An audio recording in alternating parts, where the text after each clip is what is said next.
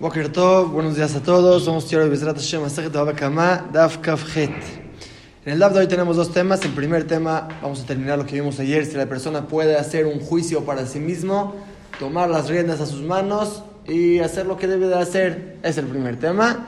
Y el segundo tema es un tropiezo que se quedó en la calle y alguien se dañó. Cuándo se paga, cuándo no. Vamos a ver. Empezamos con el primer tema, cinco renglones de arriba para abajo, donde dejamos el Daf de ayer en las palabras Tashema. Ayer estudiamos una discusión entre Rav Nachman y Rav Yehuda. Quiere decir, según todos, si entra un ladrón a mi casa y me quiere robar algo, claro que puedo agarrar un palo y pegarle para que se salga de mi casa. Si voy a ir con el juez para que eh, evite a este ladrón trabajar, voy a perder de mientras mi dinero. Ahí, según todos, puedo hacer un juicio para mí mismo y correrlo de mi casa. La discusión es cuando no voy a perder. Puedo ir con el juez, puedo ir al betín y quitarle lo que, decirle que, me, que quite lo que me quitaron, que me lo regrese. Ahí puedo yo también hacer lo que yo quiero, ir a la casa del ladrón y quitarle lo que me quitó, o no, ahora que igual no vas a perder nada, ve al Bedín, pídele a la Jajab que te ayude, no hagas las cosas tú. Esa fue la discusión entre Rav y Rav y la Gemara en el DAF de hoy va a traer siete pruebas para esta discusión. Primera prueba, Tashema viene y escucha. Shor Shadal le orgó. Un toro que se le encimó a su compañero para matarlo. Ubaba al Tachtón, llegó el dueño del toro de abajo que se está por morir, de Shamate Chelo, y quitó el de él, zafó su toro de abajo, Benafal el león se cayó el de arriba, Umeti se murió, Patur, está exento.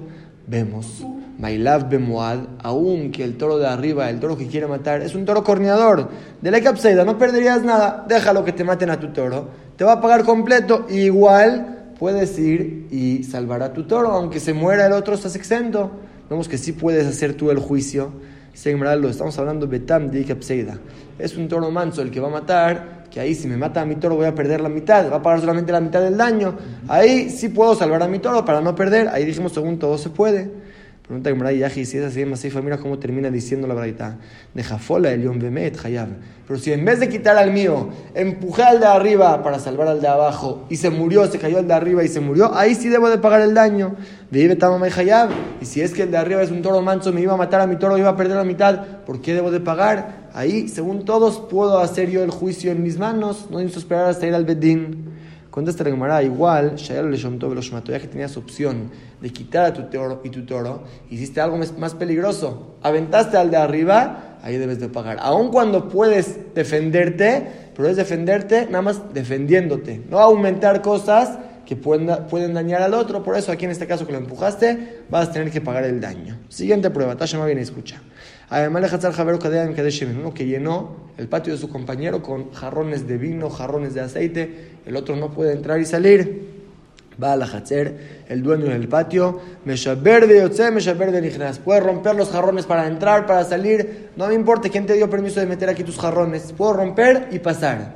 Vemos otra vez que la persona tiene derecho de hacer un juicio para sí mismo. No dice esperar hasta que el Bedín llegue y saque los jarrones. Él mismo los rompe. Amar Rav contestó Rav Nachum no hay prueba. Podemos decir, Meshaber de Yotzele Bedin, Meshaber de Nichnas la Lo que le permite aquí la verdad es romper y salir para ir al Bedín. No entrar y salir para comprar todo el tiempo. Una vez rompe y sal para ir al Bedín, acusar a este hombre.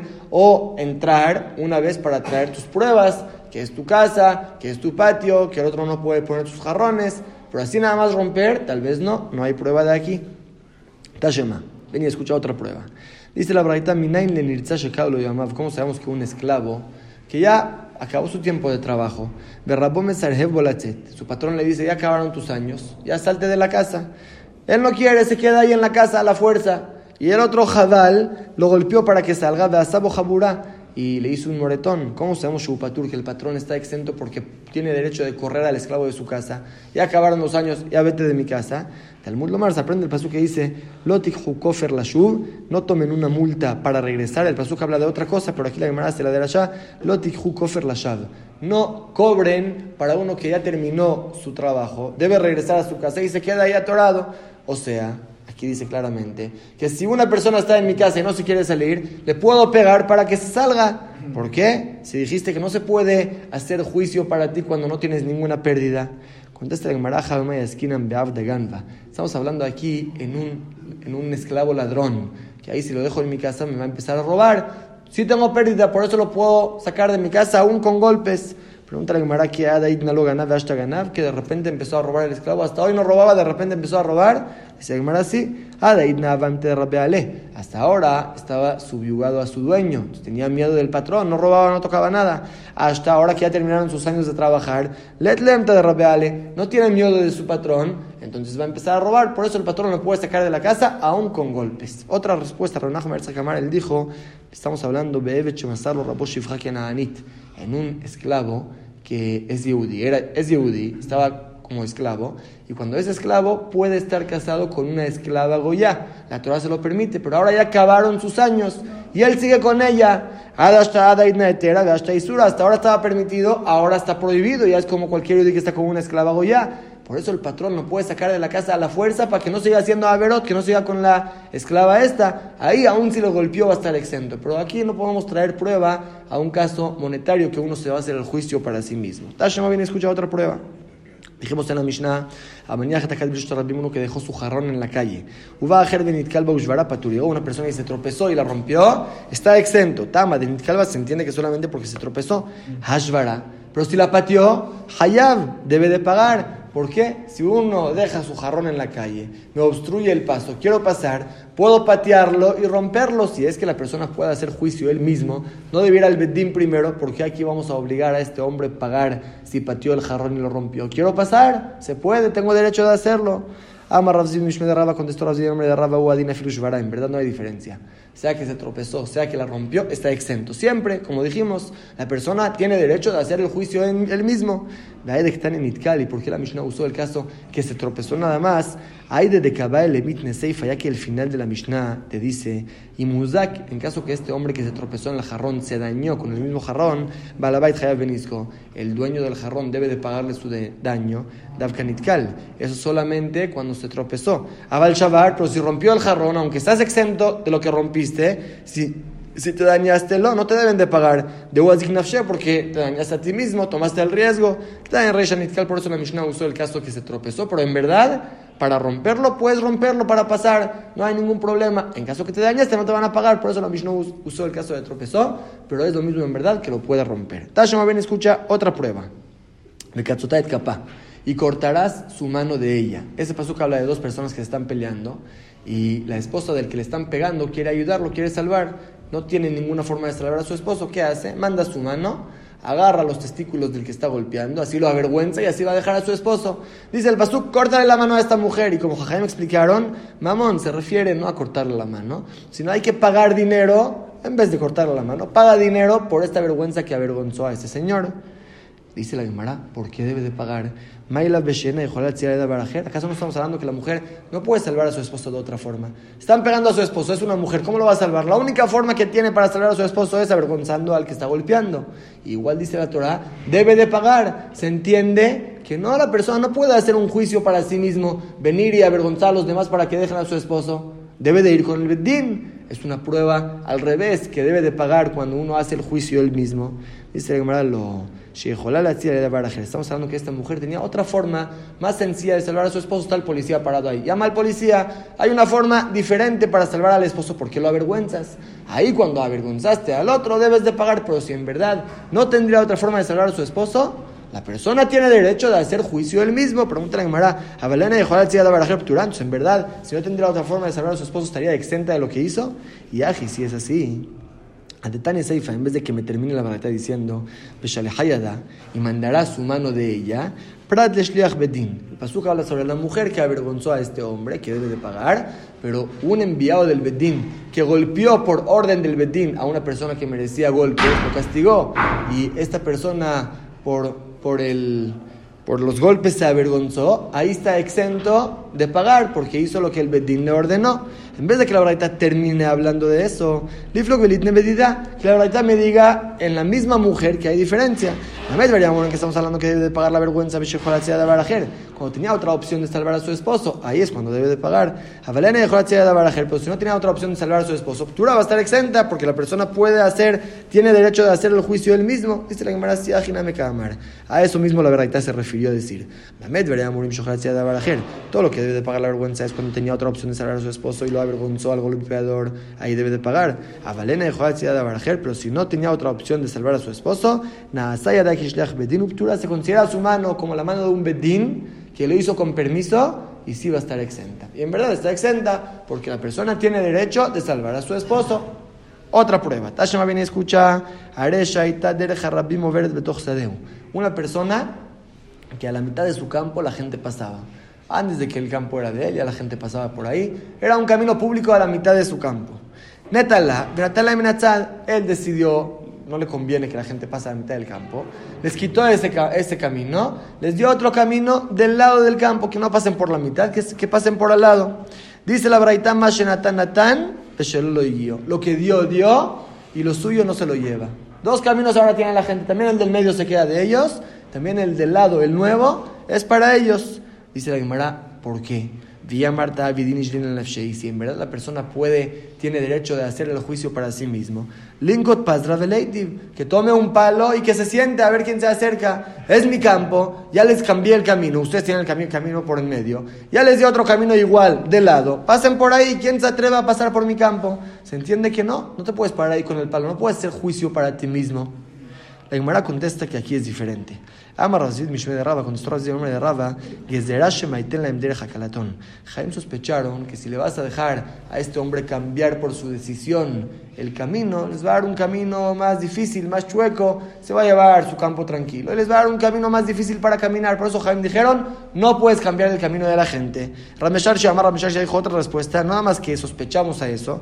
Benotel Emdere Hakalaton, estamos hablando que les dio un camino así, todo mal, todo chueco la gente no puede caminar por ahí, por eso Jaime dijeron, no puedes cambiar el camino público.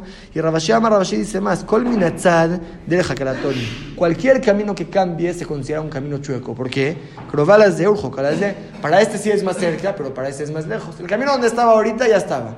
Ahora quieres cambiarlo de lugar, a uno lo favoreciste, para el otro que vivía del otro lado, ya le queda más lejos el camino pasar por ahí. Ya no es, una, ya no es un atajo tan cerca a su casa. Entonces, en esos casos, dice la Guimara, no puedes cambiar porque estás perjudicando al público. Ahí es cuando no puedes cambiar. Pregunta la Gemara, y si es así, entonces Sama lo guió. ¿Por qué el primer camino se queda y el otro camino también? Ya, déjate, quédate con el primer camino. Y el segundo, que se te regrese, el nuevo que diste, que se te regrese. ¿Por qué decimos que los dos caminos se quedan en el público? Ley Maleu que les digas, agarren el de ustedes, el de siempre, regresenme el mío. Esta hermana Mishum de por el motivo que dijo Rabiudad, dijo, Metzar Shechziku Rabim Azur le calquelo. Un camino que ya mucha gente pasó por ahí, ya no se puede quitárselo. Ya les dice este camino, ya es de ellos.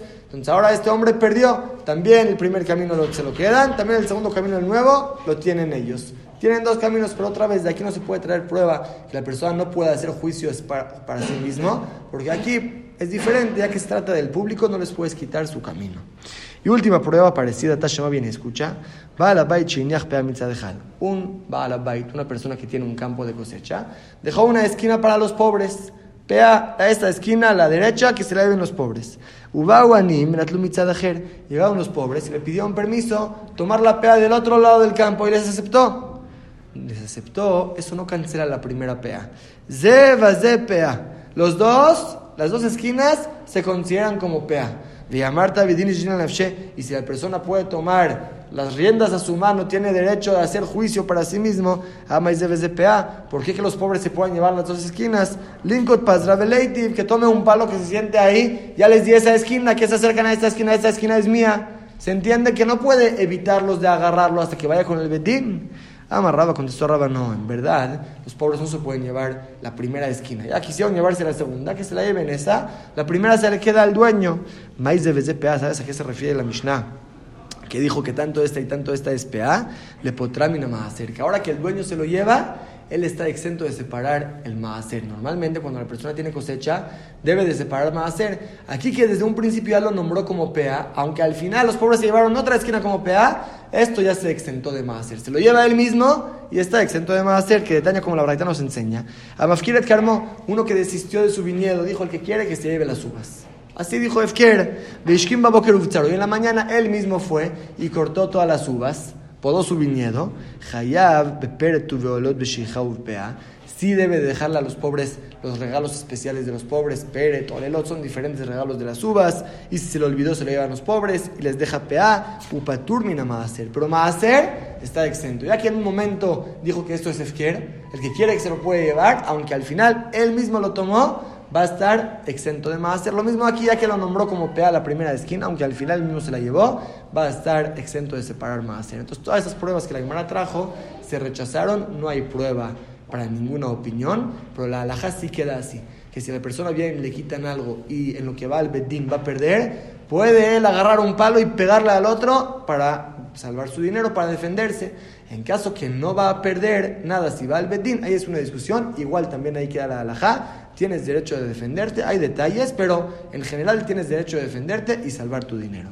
Y pasamos a la segunda parte del DAF. Dice la Mishnah, Nishbera Kador Birshut Rabim, uno que se le rompió su jarrón con agua en la calle. Y lo dejó ahí, en vez de quitar los barros rotos, lo dejó ahí.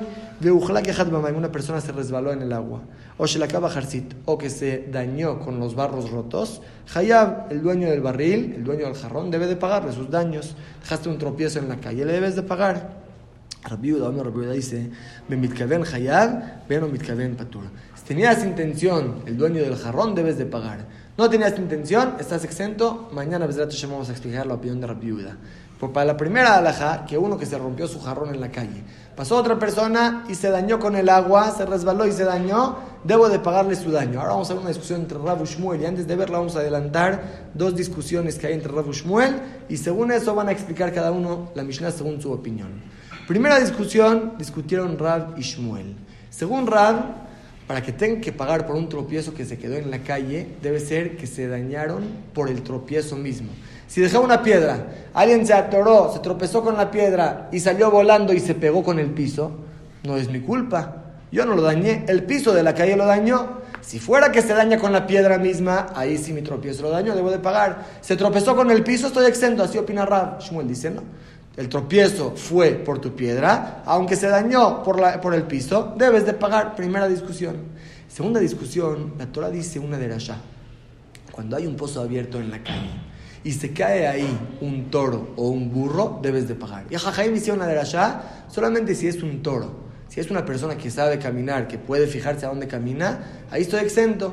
Y solamente si es un burro debo de pagar. Pero si son utensilios que se cayeron al pozo y se, se dañaron, ahí estoy exento. Shor velo Adam, jamor velo Kalim. Solamente sobre toro y burro, no sobre una persona o sobre utensilios. Así se aprende.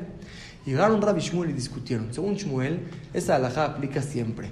En cualquier caso que el utensilio se dañó, voy a estar exento. Según Rab, no. Solamente en caso que este pozo ya no me pertenece. Ya desistí de él si cabe el pozo, ya no lo quiero. Ahí es cuando atrás estas diferencias. Pero si el toro sigue siendo tuyo, está bajo tu propiedad, ahí es como una pertenencia tuya que dañó, aunque se rompió ahí un utensilio, debes de pagar. Todo lo que la Torah dijo que sobre utensilio estás exento es cuando es un pozo que ya lo dejaste como efker. Pero si sigue siendo tuyo, debes de pagar. Así opina Rab. Shmuel dice no, siempre está la de Rasha, aunque sea el pozo tuyo, estás exento sobre pagar sobre utensilios que se rompieron ahí. Según estas dos discusiones, la Gemara va a explicar la Mishnah, cada uno según su opinión. Repetimos cuáles son las discusiones. Primera discusión que según Rab debe ser que el daño sea con el tropiezo mismo, no con el piso de la calle, según Shmuel no hay diferencia. Segunda discusión, que según Rab, si el pozo todavía me pertenece, debo de pagar sobre un daño de utensilios ahí. Y según Shmuel, no siempre la Torah me exentó pagar los utensilios que se rompieron en mi pozo. Dice la Gemara, ama Rabida, ama Rab, dijo Rabida en nombre de Rab. Eso que dijimos en la Mishnah, que uno que se resbaló en el agua y se dañó debo de pagarle, lo es cuando el agua mismo dañó la ropa de este hombre, se mojó y se dañó, ahí debo de pagarle. Adalu atzmo, pero eso que se resbaló el Señor y se pegó en la tierra, patur, estoy exento. Carca o la tú, el terreno de todo el mundo lo dañó, el piso de la calle lo dañó, el golpe que recibió no fue con mi agua, fue con el piso, estoy exento. Así dijo Rabiudá en nombre de Rab. Sigue Rabiudá diciendo que Amrita Camila de Shmuel, cuando dije esto en nombre de Rab delante de Shmuel, a Marley me dijo, no, yo no creo así. Porque me dije, vamos a analizar, Avnobes aquí no, Masao, uno que deja su piedra, su cuchillo, su carga en la calle, y dañaron, mi borola lo aprendemos que la persona debe de pagar porque es un tropiezo como un pozo que dejaste en la calle. De kulana ni korebaem, y en todos estos tropiezos aplica la de Rasha. Shor de lo Adam, hamor de lo Kelim. Solamente si es un toro o un burro que se dañaron, ahí debes de pagar. Si es una persona que se dañó o utensilios que se dañaron, estás exento. La Gemara aumenta en paréntesis una alajá que esos que si la persona se dañó, estoy exento a Nemir Leñán Katla, solamente si se murió en el pozo. Abellán es de aquí, pero si es que se dañó la persona en mi pozo, Adam Hayab. Ahí sí necesito pagar también sobre el daño de la persona. Bekelim Turim, pero los utensilios siempre estoy exento. Entonces dice Shmuel, no puedes explicar que el caso es que el agua mojó tu ropa y se dañó, porque un pozo o un tropiezo como mi agua, que dañan utensilios, dañan ropa, estoy exento. Entonces no es la explicación de la Mishnah. A fuerzas, estamos hablando que la persona misma se resbaló, se pegó con el piso igual debes de pagar. Así opina Shmuel. La Rab, y Rab que dijo que el agua que dañó sí me obliga a pagar este daño, aunque son utensilios, se dice Anemileja de. Eso que Torah exentó pagar los utensilios dañados es cuando desistí de mi pozo, ya no me pertenece. Ahí aplica esta, esta cláusula del Pasuk, Abaleja de lo Afkerinu, pero en caso que mi pozo me sigue perteneciendo a mí, no, es como cualquier pertenencia que tengo. Así como cuando mi toro daña un utensilio debes de pagar, también cuando tu pozo dañó un utensilio debes de pagar. La Torah hablo cuando ya no es tu pozo, pero aquí que es tu agua la dejaste en la calle, debes de pagar. Es una discusión entre Rabu Shmuel, cómo explicar la Mishnah si lo que debes de pagar es sobre la ropa del señor que se dañó, pero sobre el señor mismo va a estar exento, al revés, sobre la ropa estás exento y pagas sobre la persona que se dañó. Mati Raboshaya, y ahora Raboshaya trae una verraita que es pregunta tanto para Rab como para Shmuel. Dice, dice el Pasuk, una falsa mayor jamor y se cae en el pozo un toro o un burro, debes de pagar. Shor velo Adam, jamor velo Kelim, solamente si es un toro, no una persona que puede ver a dónde camina, ahí estás exento. Un burro y no utensilios. Mikan Amur de aquí aprendieron Jajamim. Nafale Tojo, si se cayó adentro del pozo. Shor de Kelav un toro con su yugo encima y se rompió, se dañó el toro y también se rompió el yugo. O Jamor de Kelav un burro que tiene sobre él una carga y se rompió la carga también. Hayaba la Patura la Kelim, debes de pagar por el daño del animal. Estás exento de pagar solo los utensilios. Además de Domé, dice la verdad, ¿a qué se parece el caso del pozo abierto en la calle? aquí no vas a tu piedra, a tu cuchillo y tu carga que dejaste en la calle y dañaron, y dañaron la Guimara. Hace una pausa y dice, ¿cómo? El pozo se parece a la piedra que, que dejaste en la calle. Adraba al revés. Madomelas de mi baile. La Torah, el caso clásico es un pozo que abriste en la calle. De ahí Jaime aprendieron que cualquier tropiezo también. Pues no puedes decir, el tropiezo es lo que la Torah habló y el pozo se parece al tropiezo. No se habla así, dice la Gemara, tienes razón. El Amaido me las de qué se parece a un pozo abierto en la calle, ¿qué debes de pagar? Se parece a esto, un tropiezo. Avnos, aquí no tu piedra, tu cuchillo, tu carga que dejaste en la calle, veiziku y dañaron, que ahí también debes de pagar si un toro o un burro se dañaron, pero si es un utensilio, no. Termina la Mishnah diciéndole, fijas por eso. Y mi beeden hayab. Si es que este hombre, su jarra o cualquier utensilio se rompió en la piedra misma, se le debe de pagar. La Gemara dice, Rey Shakashi ale Rab, le Shmuel. El principio de la braita es una pregunta para Rab. Se entiende que en todos los casos,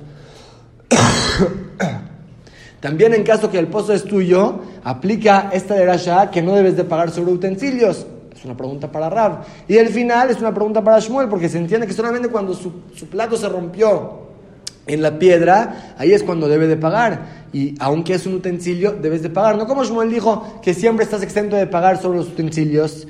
Dice la Gemara Bueno, entonces no es pregunta ni para Rab ni para Shmuel. Es una contradicción en la verdad misma. Rey Shapaturu Seifa Hayab. Principio de la verdad me dice que si tu utensilio se rompió ahí, estás exento, porque son utensilios. Y al final me dice que si te rompió tu jarrón en la piedra que uno dejó en la calle, debes de pagar. Decídete, ¿está exento o debes de pagar? El Ram Metaret está, Shmuel Metaret está, cada uno va a explicar la verdad según su opinión para que quede. Rab Metaret está, Rab explica la verdad según su opinión. Mamet ¿en qué estamos hablando? Que la persona está exento de pagar sobre los utensilios que se rompieron en un tropiezo que dejó en la calle. Sheif Kiram, cuando desistió de su piedra, dijo, ya no me pertenece. Ahí aplica esta de allá. Avaloif Kiran, pero si sigue siendo de él, es su pertenencia, Hayab, debes de pagar. Le fijas, por eso termina la verdad diciendo, ya queda bien, Ben Hayab, si se rompió el jarrón de otro en mi piedra que dejé en la calle, voy a tener que pagar porque me pertenece. Según Rab es la diferencia. Si es tu pozo, debes de pagar todo. Si ya desistió de él, ahí va a ser la diferencia entre si es un toro o un burro o son utensilios. Ushmuel Ishmuel explica la verdad según su opinión, que en verdad siempre debe de pagar y siempre, si no es tuyo, vas a estar exento sea tuyo o no sea tuyo, va a estar exento sobre utensilios. Pero hay una opinión de Rabbi Uda. Dice Shmuel, hasta de Marta, no sé qué no pasado que dame. Ahora que la verdad compara la piedra o cualquier tropiezo que dejé en la calle a mi pozo abierto, le Rabbi Uda de Mjayev, al según una opinión de Rabbi que él dice que sí debes de pagar aún sobre un utensilio que se rompió en el pozo. Él discuta esta de que la Gemara hizo. Según él, ahí sí, en caso que se rompió el jarrón en la piedra, voy a tener que pagar porque según él no aplica esta era ya. Pues cada uno explicó la verdad según su opinión y no hay ninguna prueba para ningún lado. Última alajá, Rabbi Elazar dijo Rabbi Elazar, lo shanuto lo que debe de pagar el ashenitkal beeben benishov beeben. Cuando se tropezó en la piedra y también se dañó por la piedra, ahí es cuando necesitas pagar tu daño. Avalnitkal bakarka, pero si la persona dejó su piedra en la calle el otro estaba caminando, se tropezó por el simple hecho de caminar, sin que tenga que ver con mi piedra. Se tropezó en la calle, Benishov y se pegó, se cayó y se pegó con mi piedra. Patur, ahí estoy exento. Yo no lo dañé, se tropezó en la calle, ahí estoy exento. Dice la Gemara Kieman, como quién es esto, de lo que Rabinatán. Esto no concuerda con Rabinatán. Según Rabinatán, si no me puedo cobrar de uno, me cobro del otro. Aquí no me puedo cobrar de la calle, no tengo a quién cobrarle, me cobro de la piedra. Y que Adamra hay quien dice que Amar Blazar, Blazar dijo así, que así es como Rabbi Natán. No me digas que solamente cuando se tropezó con la piedra y ahí se dañó, ahí debes de pagar la carga de Pero si se tropezó en, la, en el piso y se dañó en la piedra, voy, a estar exento. No digas así. El sino aún en caso que la persona que caminó se tropezó en el piso y se pegó con la piedra, si al final se dañó con la piedra, debes de pagar. Que man que Eso concuerda con la opinión de Rabbi que él sostiene que si no te puedes cobrar del primero, te cobras del segundo, aquí no te puedes cobrar del dueño de la calle, no hay dueño de la calle, te cobras del dueño de la piedra que al final te dañaste con ella. Dejamos aquí el de hoy. Vamos a repasar lo que estudiamos. Estudiamos al principio del DAF el concepto de David la si la persona puede hacer juicio para sí mismo, como dijimos la alajá, es que sí te puedes defender, puedes tomar un palo, romperle los dientes, como dijo Ben Bagbag, al otro para salvar tu dinero. Así quedó la alajá. Sea en caso que tienes pérdida, sea en caso que puedes ir al bedín, puedes defenderte. Y el segundo tema fue un pozo en la calle. ¿Sobre qué daños hay que pagar? La Imara dijo. El pasuk se aprende que solamente si un toro, un animal se dañó ahí, debes de pagar. Pero una persona que cayó ahí, si se murió, estoy exento. Fíjate a dónde camina. Si se dañó, ahí sí debes de pagar. Y en caso de utensilios que se cayeron al pozo y se rompieron, ahí el pasuk nos enseña que estás exento. Pero es una discusión entre Rab y Shmuel. Según Rab, ese esto que estás exento es solamente cuando el pozo ya no te pertenece, cuando ya desististe de él. Pero si el pozo te sigue perteneciendo, es una pertenencia tuya, ¿qué daño? Debes de pagar también sobre utensilios. Según Shmuel, no. Siempre se aprende velo kelim. Sobre utensilios que se dañaron en el pozo, sea que me pertenece, sea que no me pertenece, estoy exento. Otra discusión entre Rabu y Shmuel, ¿qué pasa si dejé un tropiezo en la calle? La persona se tropezó y se dañó con el piso de la calle misma, ahí, según Rab, estoy exento yo no lo dañé, lo dañó la calle y según Shmuel también se debe de pagar. Por eso cada uno explicó la Mishnah para que concuerde con su opinión. Según Rab estamos hablando que el agua dañó la ropa misma, ahí hay que pagar. La persona que se dañó, se resbaló y se dañó, no necesito pagar. Y según Shmuel al revés, sobre la ropa voy a estar exento, sobre la persona que se dañó en la calle, tengo que pagar. Y como vimos al final, dice Rabbi Elazar, la alhaja es que aunque no se tropezó con la piedra misma, se tropezó en la calle, pero se cayó y se pegó con la piedra, también hay que pagar porque el daño al final fue por tu piedra. Es lo que estudiamos en el DAF de hoy. Escuela Mitzvot y Hazaku Baruch.